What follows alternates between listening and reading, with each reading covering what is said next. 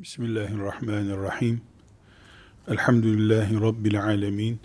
Ve sallallahu ve sellem ala seyyidina Muhammedin ve ala alihi ve sahbihi ecma'in. Hadisi şeriflerle önemli bir bağı bulunan bir başlığı açacağız. Resulullah sallallahu aleyhi ve sellemin dilinin Arapça dışındaki dillere aktarılmasını konuşacağız. Yani sünnetin veya hadislerin tercüme edilmesi meselesini konuşacağız. Elhamdülillah son yıllarda Müslümanlar Kur'an-ı Kerim'in de hadisi şeriflerin de tercümesi konusunda nasipli bir dönemde bulunuyorlar. En temel hadis kitapları ve en temel tefsir çalışmaları Türkçe ve diğer dünya dillerine, İngilizceye, ana dünya dili durumundaki İngilizceye tercüme edildi. Ediliyor, edilecekti inşallah. Bunun e, bir yandan şer'i durumunu, diğer yandan da nasıl tercüme edilmesi gerektiğini mütalaa etmemiz lazım. Yani bir Müslümanın evinde mesela Bukhari'nin aslının bulunmasıyla Bukhari'nin tercümesinin bulunması ne ihtiva ediyor, ne e, gerektiriyor? Müslüman ne kadar Resulullah sallallahu aleyhi ve sellemi okumuş olur. Mesela Türkçe bir hadisi şerif tercümesi dinleyen, Türkçe bir dilden, Farsçadan, Hinducadan, Yunancadan, İngilizceden, Almancadan veya dünyanın filan kabilesindeki e, bir dilde konuşan, yazan bir insanın veda hutbesini mesela dinlemesi ne kadar peygamberi dinlemek olur sallallahu aleyhi ve sellem. Bunu mütalaa etmek istiyoruz. Şu hakikati hatırlamamızda fayda var. Resulullah sallallahu aleyhi ve sellem bütün insanlığın peygamberidir. Araplardan çıkmış bütün insanlığın peygamberidir. Ya bütün insanlar Arapça öğrenip Resulullah'ı sallallahu aleyhi ve sellem tanıyacaklar ya da Resulullah sallallahu aleyhi ve selleme iman edenler ashab-ı kiramın yaptığı gibi bütün dünya dillerine Resulullah'ı taşıyacaklar sallallahu aleyhi ve sellem. Çünkü insanların çok büyük bir bölümü Arap değildir ve Arapça bilmiyor. Dünya gerçeklerinden biri olarak da hiçbir şekilde bütün insanların Arapça öğrenip Peygamber sallallahu aleyhi ve selleme yaklaşmaları diye bir beklenti içinde olmamız da mümkün değil. Resulullah sallallahu aleyhi ve sellem kâffeten linnâsi geldim diyor. Bütün insanların peygamberiyim diyor. Dili anlaşılmayan bir peygamber nasıl bütün insanlara gelmiş olur? Bugün 2020'li yıllara yaklaştığımız şu günlerde sadece Arapça oranının İslam toprağında ne kadar olduğuna bakacak olursak, çok basit bir şekilde bir buçuk milyar Müslüman var. Bu bir buçuk milyar Müslümanın kaba rakamlarla yüz milyonu Arap'tır. Onda birine bile tekabül etmiyor. Yüzde on dahi değil Arap Müslümanlar. Kaldı ki dipnot olarak bir kenarda dursun. Onların da ne kadar Arapça bilen Arap oldukları su götürür bir tartışmadır. Yani bu yüzde onu Arap diyelim ki o yüzde on değil. Onun da yüzde onu Arapça bilmiyor. Kendi köy lehçeleriyle konuşuyorlar. Cuma hutbesi okunduğunda mesela Mısır'ın bir köyünde Cuma hutbesi okundu. Suudi Arabistan'ın bir köyünde Cuma hutbesi okunduğunda anlaşılma oranı yüzde ellilerde filan değil bunun. Dolayısıyla Arapçanın Peygamber sallallahu aleyhi ve sellemin ve Kur'an'ın dili olması kıyamete kadar değiştirilemez bir gerçektir. Din dili Arapçadır. Bu açıdan Arapçaya biz mukaddes bir dil olarak bakabiliriz. Kur'an dili Arapça olduğu için. Peygamber sallallahu aleyhi ve sellemin dili Arapça olduğu için. Ama ona mukaddeslik yüklememiz Kur'an'ımızdan dolayı Arapça bilmeyenlerin bu mukaddesten istifade etmesine mani değildir. Olamaz. Çünkü Resulullah sallallahu aleyhi ve sellem bütün insanlığın peygamberidir. İngilizce bilenin de, İtalyanca bilenin de, Rusça bilenin de, Kafkas lehçelerini konuşanın da herkesin peygamberidir.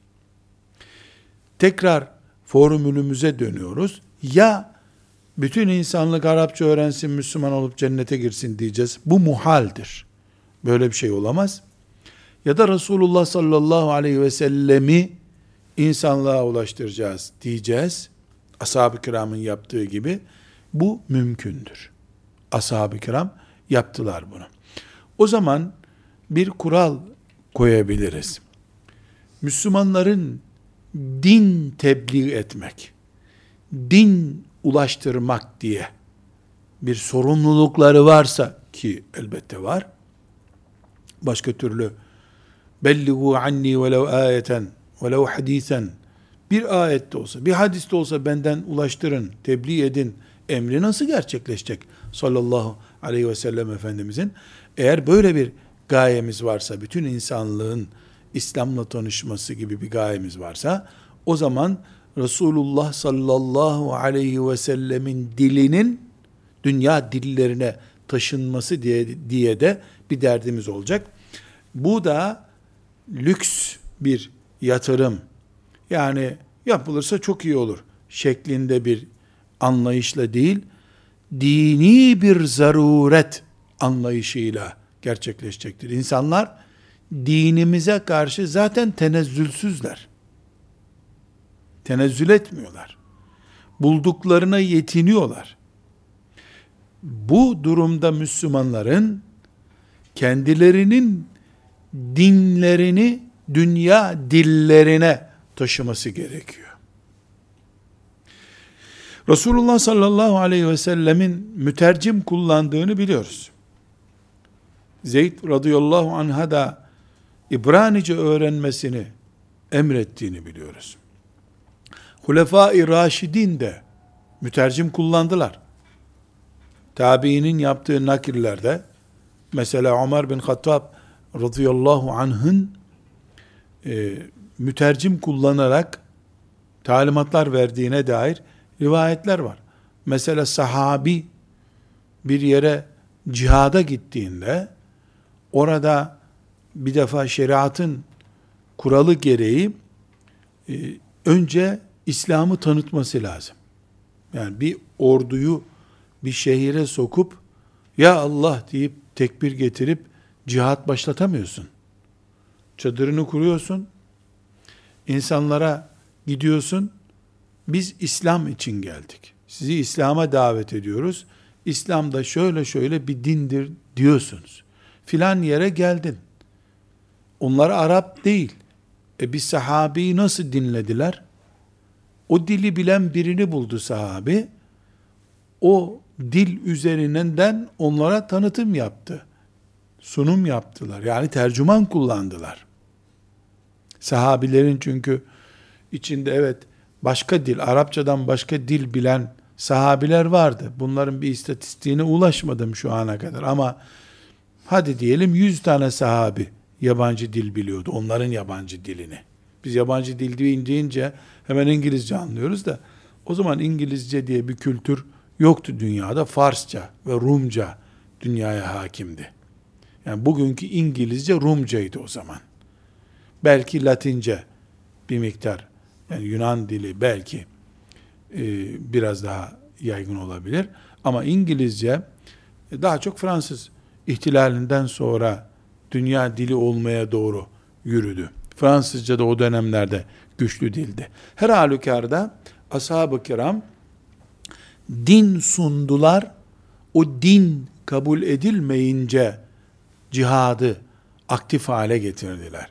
Bu sunum da iki dakikalık bir sloganla bir filama kaldırıp ya teslim olun ya Müslüman olun hadi çabuk ezan okuyun şeklinde değildi.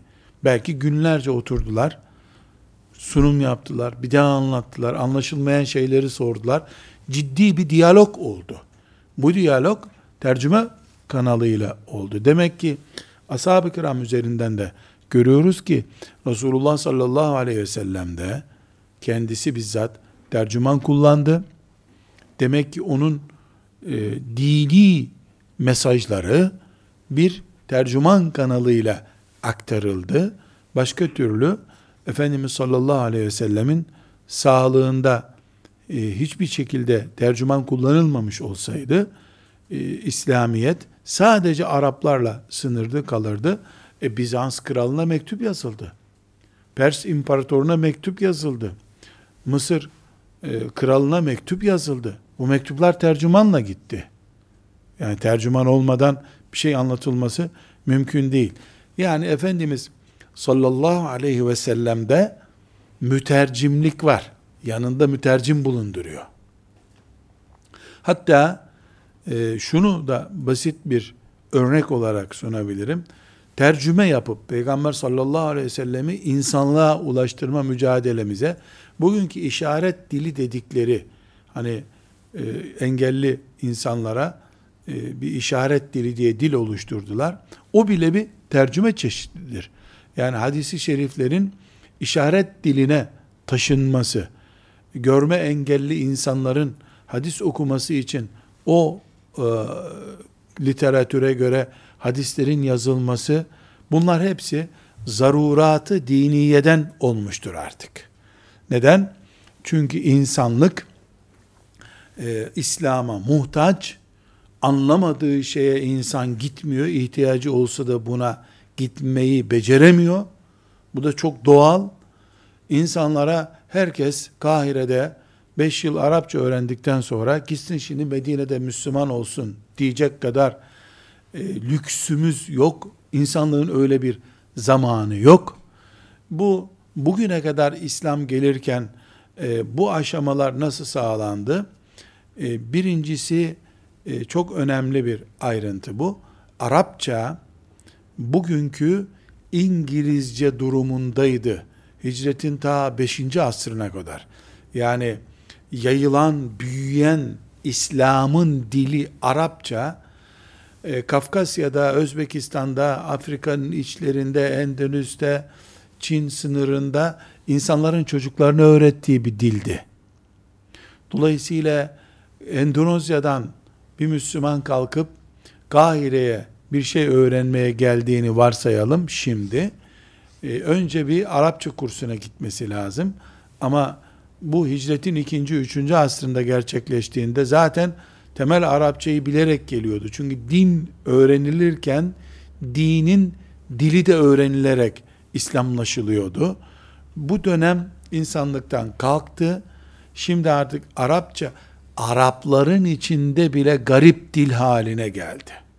Arapların içinde bile garip dil oldu. Bunu ne kadar üzülerek telaffuz ettiğimi bir Allah bilir Celle Celaluhu. Bizim bu haber bültenlerinde filan izlediğimiz Arapça bir kere Kur'an Arapçası değil. E, iki, e, Araplar dediğimiz insanlar bile Arapçayı anlamıyorlar. Haberleri izleyemiyorlar filmlerdeki dilleri anlayabilir. Filmdeki dil de yani bu senaryoların e, aktarılması esnasında kullanılan dil de bizim Arapça dediğimiz bir Arapça değil. Yani bir tercüme hamlesi e, Peygamber sallallahu aleyhi ve sellemin birikiminin insanlığa yörenin diline göre aktarılması meselesi e, yeni bir olay değil. Efendimiz sallallahu aleyhi ve sellemin gününde de vardı ve uygulandı. Elbette o zaman Rumca kursları açılmıyordu Medine'de. E, Suheyb-i Rumi diye bir sahabi diyelim Rumca biliyordu. O filan e, konuyu sen aktar diye gönderiliyordu. Bugün biz kendi birikimimize, insanlığın dil konusunda geldiği noktaya göre bu meseleyi ele alıyoruz.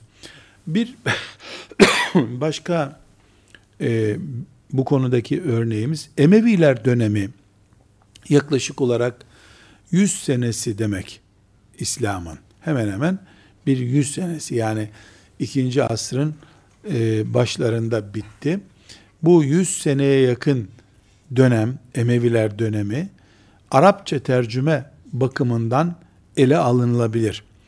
E, bugünkü manada bir tercüme hamlesi başlatıldığını söyleyemiyoruz. Neden söyleyemiyoruz?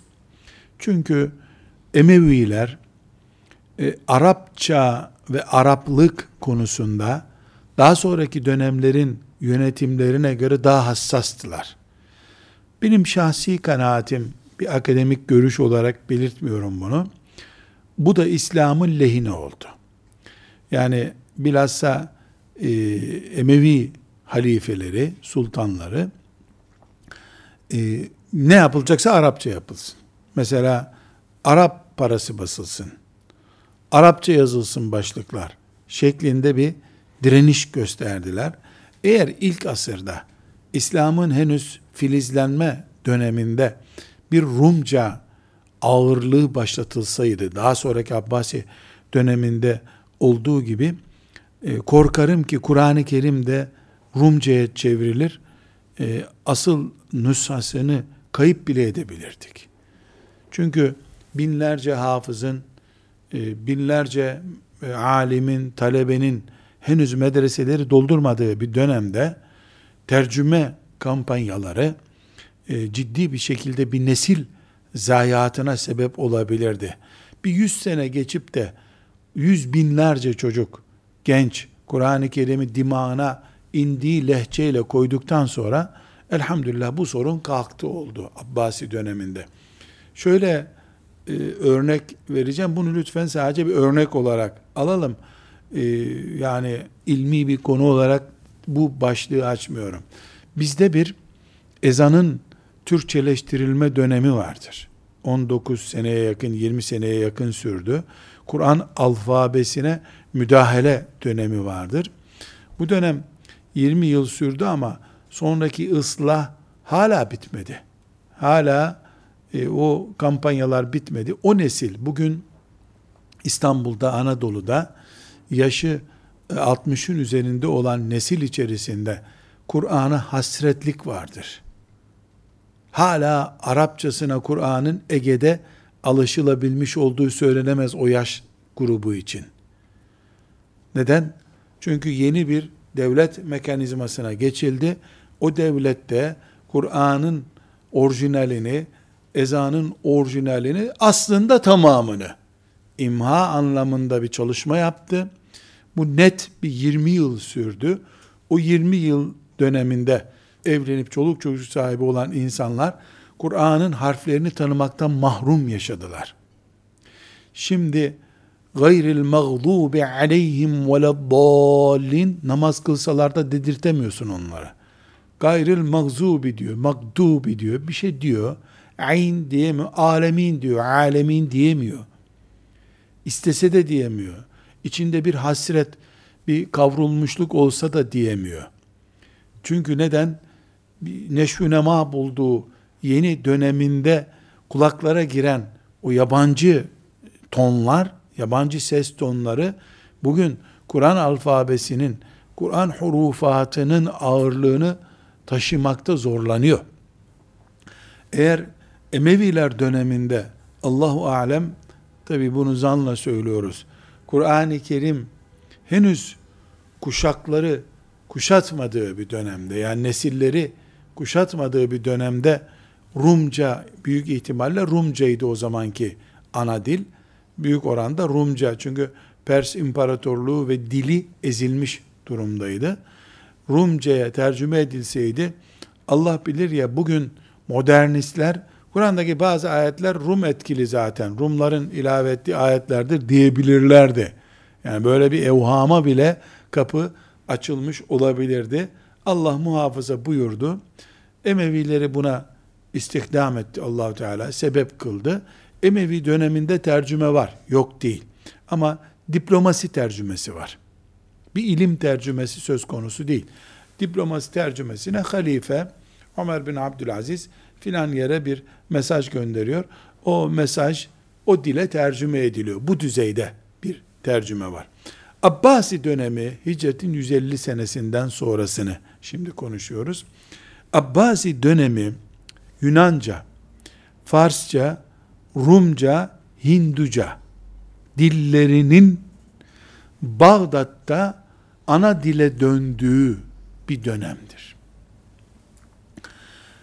Bilhassa Memun döneminde yani hicretin 200. senesinden sonra 200 ve 210 arasında hicretin Memun dönemi Harun Reşid'in oğlu tercümenin en geçer akçe olduğu dönemdir.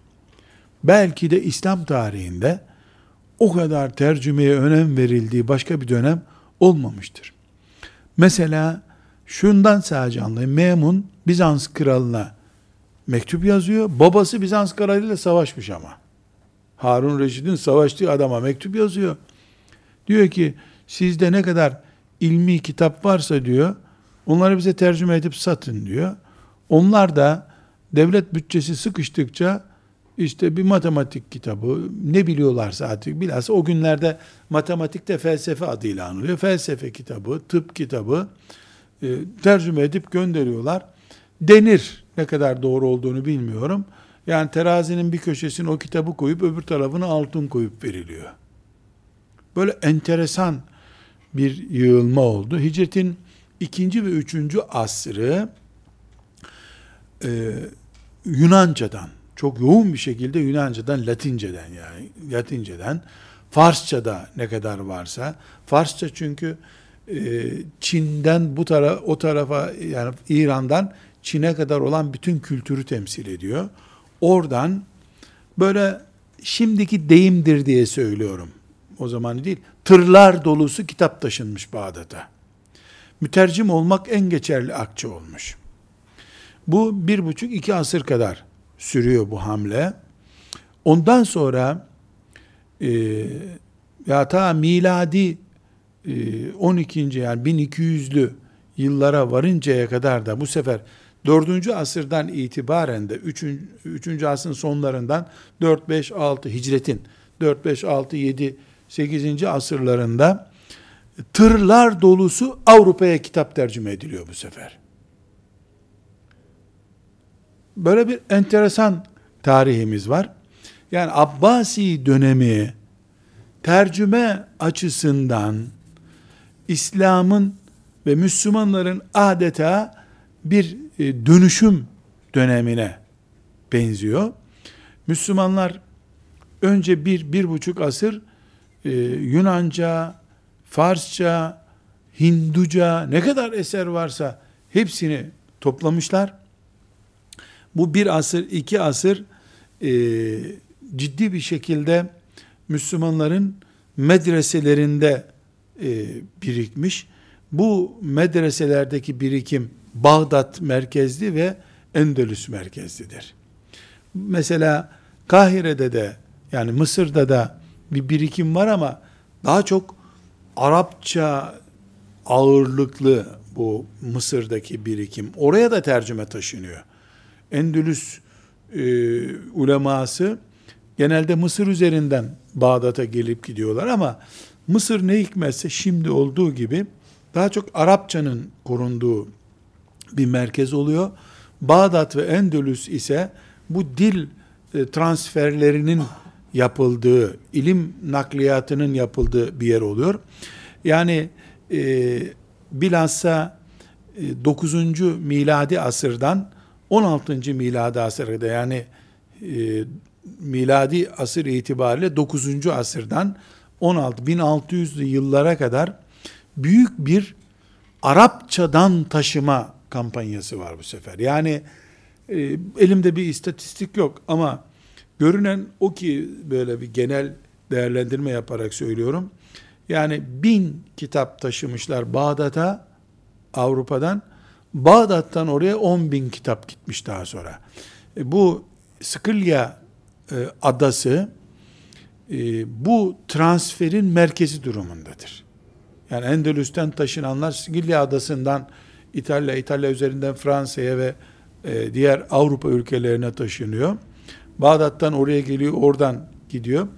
E, bu kara paranın aklandığı yer diye bir hikaye var ya, şimdi mesela İsviçre bütün dünya zenginlerinin para akladığı e, bir yer durumunda. Sicilya Adası o zaman e, bu Arapça kültürle e, diğer kültürlerin dil olarak e, bir buluşma İsviçresi durumunda. Yani şimdi para için İsviçre ne demekse Sicilya Adası da o zaman e, bu dil transferinde bu noktada kuruldu. Sonunda 1258'de Bağdat düşünce bu transfer dil transferinden kitap trans çalmaya yöneldi. Yani Bağdat'ın düşmesiyle beraber Haçlılar bütün e, Bağdat'ta buldukları binlerce rakamı düşük. On binlerce rakamı da düşük. Yüz binlerce kitabı e, bineklere doldurup Avrupa'ya taşıdılar. Şimdiki gibi de böyle e, küçük bir cep kitapçığı şeklinde değil kitaplar. Yani tırlar dolusu gene ifadesini kullanacağım. Tırlar dolusu kitabı Bağdat'tan e, Avrupa'ya taşıdılar. Endülüs faciasını e, yaşadığımız zaman da e, Endülüs'ten bu şekilde bir nakliyat Avrupa'nın diğer ülkelerine yapıldı. Netice olarak şu noktaya gelmek istiyorum. Hala tercüme başlıklı bir konudayız. Ee, dünya üzerinde e, Arapça bugün Arapların bile konuşamadığı bir dildir. Zayıflamıştır. Gerçi Hindistan'da medresede, Türkiye'deki Tillo'daki medresede Arapçanın Araplar öncesi dönemine ait köklerine bile iniliyor. Ama lokal bir çalışma bu. 20 tane talebeye yapılıyor, 100 tane mollaya yapılıyor. Yani dünya kültüründe Arapça diye bir dil ağırlığı yok. E, Müslümanların ağırlığı olmadığı için 2000'li yıllara böyle geldik. Ancak bundan önceki dönemde hem Müslümanların diğer dillerden transfer diye bir derdi oldu. Bilhassa Abbasi döneminde bu ciddi bir boyuta ulaştı. Hem de Müslümanlardan daha sonra bir üç asır kadar net bir şekilde e, transfer yapıldı. Yani bu hep İbn Sina'nın Kanun isimli e, kitabından, tıp kitabından örnek bilir. Sadece onunla ilgili değil. Yani Endülüs'te e, tefsir kitapları bile e, yazıldı, tercüme edildi. Ondan bir şey kapma ihtimalinden dolayı e, bu e, bahsettiğim şey bugün oryantalizm diye bir e, mesleğin var olma sonucunu getirdi beraberinde. Bugün oryantalizm yani bizim dilimizde şarkiyatçılık Avrupa'daki akademisyenlerin şark dili olan Arapçayı onların nazarıyla söylüyoruz. Öğrenip e, Müslümanlara kendi dilleri üzerinden pazarlama yapma bir meslektir. Üniversitelerde bölümdür. Ve bu İkinci Dünya Savaşı'ndan sonra başlamış bir şey değildir. 1700'lü yıllarda, e, 1800'lü yıllarda Hollanda'da şarkiyat enstitüleri vardı. Ve o onların yazdığı kitaplar, yani o kirli beyinleriyle akademik e, kılıflarla yazdıkları kitaplar ne yazık ki bugün bizdeki modernist düşünceye temel oluşturmaya başladı. Bizim Müslümanlar olarak geçmişimizde başka dilleri bize taşıma diye bir sorun olmadı. Felsefesinden vesairesine kadar e, bütün ilmi kaynaklar Bağdat merkezli olmak üzere taşındı. Bağdat'tan e, Afrika'ya, Mısır'a, o Endülüs'e kadar uzatıldı, taşındı. Daha sonra Müslümanlardan da Arapça kaynak eserler e, diğer Avrupa ülkelerine götürüldü, tercüme edildi. O tercüme ile de yetinilmeyip eserlerin kendisi bile e, katırlara yüklenip götürüldü. Şimdiki ifadeyle tırlara yüklenip götürüldü. Bu transfer karşılıklı olarak oldu tarihimizde. Bu da gösteriyor ki bizim herhangi bir dil sorunumuz yoktur. Bunu becerebiliriz. Ee, Bağdat'ta o zamanki e, hayat şartlarına göre bu sağlanabildiyse, yapılabildiyse, bugün Müslümanların bunu yapmasında hiçbir e, sakınca Allah'ın izniyle yoktur. Peygamber sallallahu aleyhi ve sellemin e, servetini biz insanlığa ulaştırabiliriz. Hiçbir şekilde de zorlanmayız. Biiznillahü teala eslafımız bunu yaptı. Becerdi yaptılar.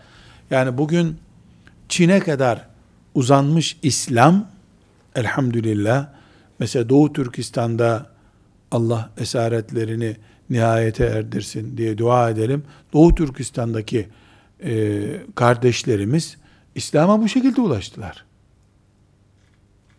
Moğolistan'a İslam bu tercümeyle gitti. Bu geçmişimizde başarılmış bir meseledir. Burada iki büyük e, gerçeği vurgulamamız lazım. Bir, dil dediğimiz yani din kelimesini vurgulayarak konuşuyorum ki dil ile din karışmasın birbirine diye. Dil konuştuğumuz lisan Allah'ın mucizelerinden bir mucizedir. Adem aleyhisselam babamız bu dillerin tamamını biliyordu. Denir ki İdris aleyhisselam ondan kısa bir zaman sonra 300 dil bilirmiş. Dolayısıyla şimdi bir çocuğun 7-8 dil öğrenmesi o olağanüstü bulunmaz bir şey değil yani bin bin 100, 200, 300, 800, 900 bin bir gibi anlaşılmasın diyorum. Bin dil bilen bir babanın çocuklarıyız biz. Aleyhisselam. E dolayısıyla bugün beş dil, on dil, ben en fazla yedi dil bilenle oturdum, kalktım. Ama yirmi dil bileni duydum tanıdıklarımdan. Olabilir bir şeydir. Neticede babamızın genlerinde vardı bu. O bize taşınıyor. Ama diller, insanların kullandığı lisanlar, lehçeler Allah'ın ayetlerindendir. Mucizelerindendir. Bir babanın bin dil bilen bir babanın 7 milyar olmuş çocukları yaklaşık olarak bugün hemen hemen bine yakın dil kullanılıyor gene dünyada. Bu büyük bir mucizedir. Dolayısıyla bizim birinci noktamız İngilizce'de dahil zalimin dilidir diye İngilizce düşmanı olacak halimiz yok. İngiliz düşmanı bile değiliz. Ümmetimize ve dinimize düşmanlığı olanın düşmanıyız biz. Bir İngilizce alıp vereceğimiz yok bizim. İngilizce ile hiç alıp vereceğimiz yok. Ama İngilizce e, Müslümanların iffetini bozmak için kullanılıyorsa bir yerde o bozma boyutuna düşmanız. Karşı değil, düşmanız. İngiliz toprağımın düşmanı ise ben ona düşmanım. Dinimin düşmanı ise ben ona zaten düşmanım. Ama bizim dillerle alıp vereceğimiz olmadığı gibi Allah'ın ayetlerinden bir ayet olarak görürüz. Arapça bir dil birkaç tık yukarı çıkar Kur'an'ım Arapça olduğu için. Mukaddes görürüm onu. Arapçayı dinimden bir parça olarak görürüm. Dolayısıyla İbn Teymiye'nin enteresan bir sözü var. Dine baktığın gibi Arapçaya bakmak zorundasın anlamında bir mesaj veriyor. Ve bunu özellikle Müslümanların kafirlere benzememeleri gerektiği ile ilgili çalışmalarında söylüyor. Yani biz yabancı dil düşmanı değiliz. Ama Arapçanın yabancılaştırılmasına düşmanız. Din dilimizin yabancı dil durumuna düşmesine karşı oluruz.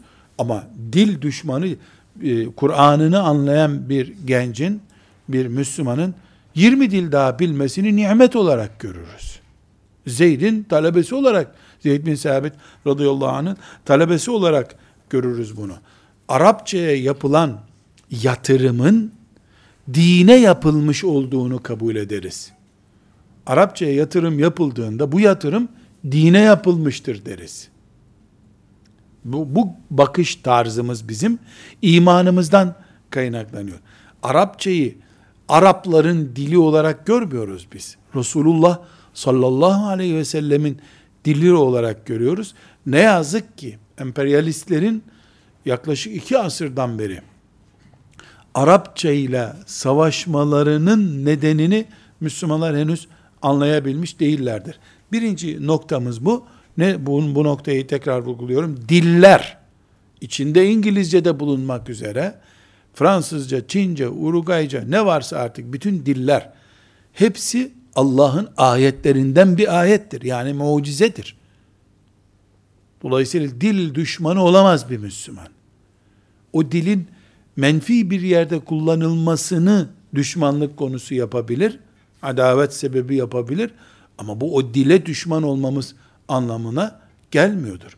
Yani e, bir yerde gulu gulu dansı yaparken filan dili kullanıyorlar diye o e, zulme olan nefretimizi dile yansıtamayız.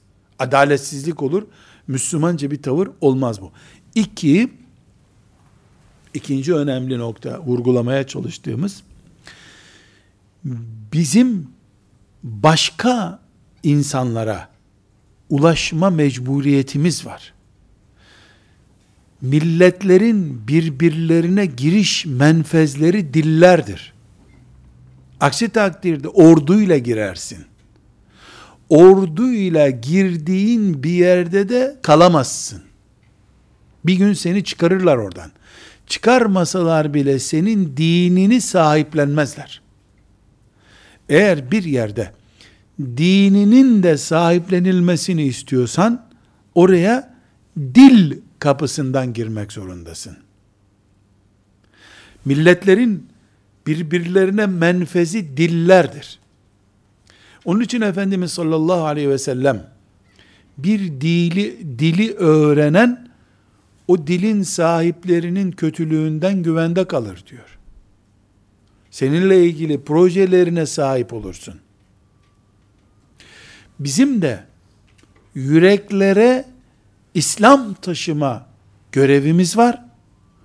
Yüreklere giriş menfezi de sadece dillerdir. Binaenaleyh bir yatırım tıpkı misyonerlerin yaptığı gibi uzun vadeli yapılacaksa o yatırım yapılacak bölge insanına senin dilinin ve kültürünün verilmesi yeterli. O ondan sonra kendisi emiyor zaten.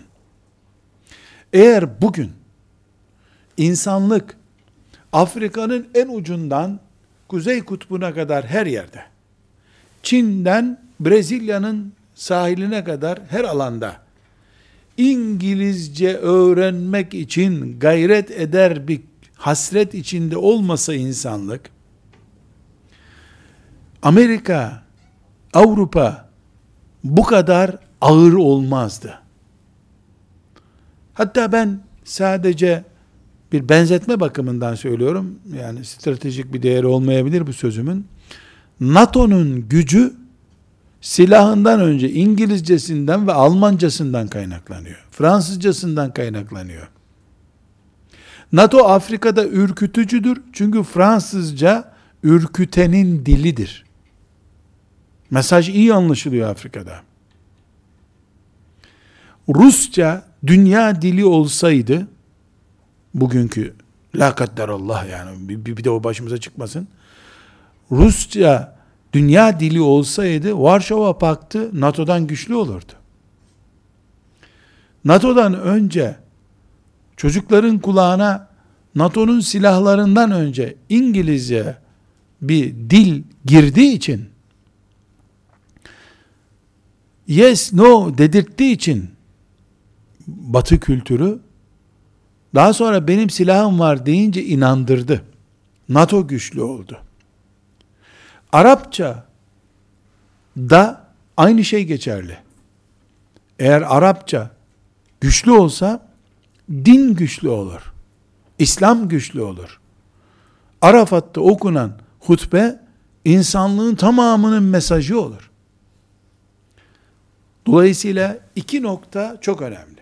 Birincisi dil, lisan Allah'ın ayetlerinden bir ayettir. Hangi lisan olursa olsun.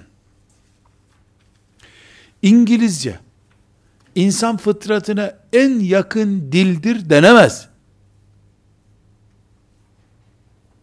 Çin'de en yakın fıtrat dili onca bize göre, bütün dünyaya göre zor bir dil olduğu halde Çince fıtri bir dil orada.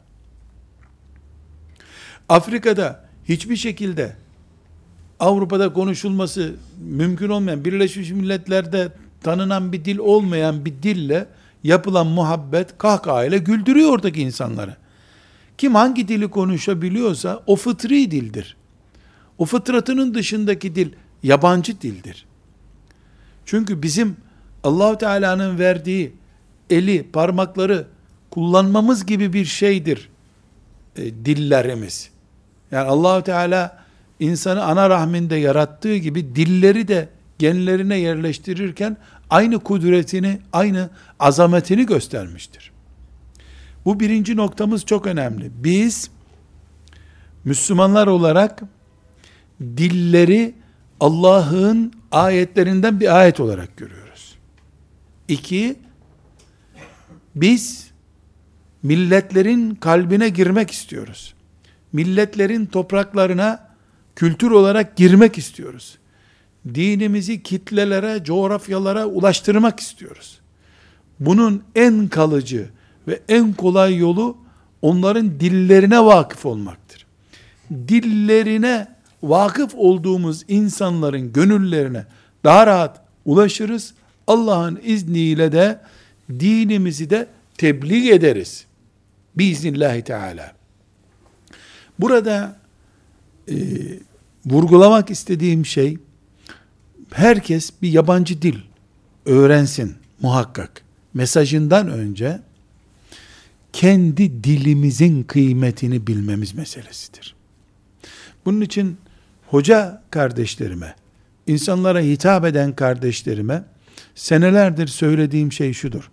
Size eğer davetçi olacaksanız, insanlara Allah'ı tanıtacaksanız, şeriatı tanıtacaksanız, Arapçadan önce Türkçe lazım size. Bu hizmeti Diyarbakır'ın bir ilçesinde yapacaksanız Zazaca lazım size.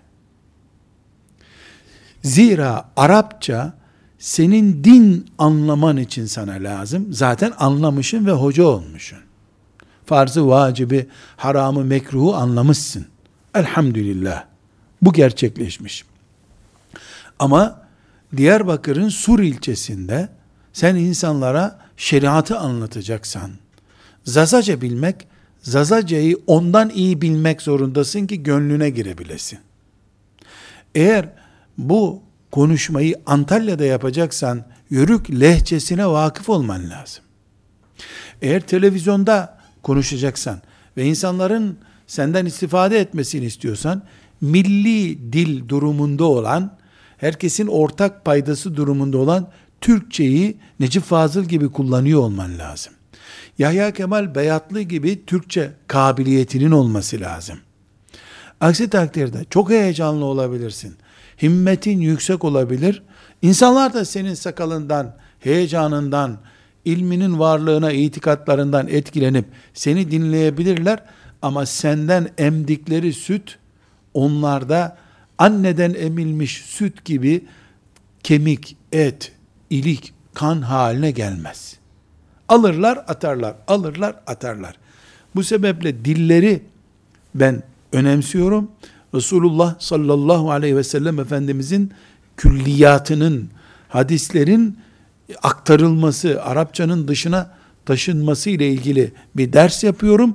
Ama bunu Kafkasya'daki bir lehçeye, Çin'deki bir insana ulaştırmayı gördü, ulaştırma sorumluluğunu gördüğümden fazla, bu daha fazla, e, ulemanın, fıkıh konseyinin oturup düşüneceği bir şey. Ben bu topraklara Resulullah sallallahu aleyhi ve sellemin dilinin en iyi şekilde aktarılması, o peygamber lisanıyla Türkçe konuşulması. Yani konuşan bir Türk ama Türkçe konuşuyor. Peygamber sallallahu aleyhi ve sellem'deki saf lehçeyi konuşuyor. Bu mücadeleyi e, dillendirmeye çalışıyorum. E, Peygamber aleyhisselam efendimizin dilinin dini gibi değerli olduğunu söylüyorum. O dilin bizim dilimize aktarılmasının da din olduğunu söylüyorum. Ve bunu elbette Bulgarca olarak da kastediyorum. Elbette Roman dilinin de şereflenmesi lazım peygamberimle diyorum. Ama 20'den fazla etnik yapının yaşadığı mesela Türkiye toprağında da Peygamber sallallahu aleyhi ve sellemin iyi bir Türkçe ile, iyi bir Zazaca ile, iyi bir Yörük lehçesiyle, iyi bir Laz lehçesiyle, iyi bir Kürt lehçesiyle de sunulması gerektiğine itikad ediyorum. Ee, inşallah bu meseleye devam edeceğiz. Velhamdülillahi Rabbil Alemin.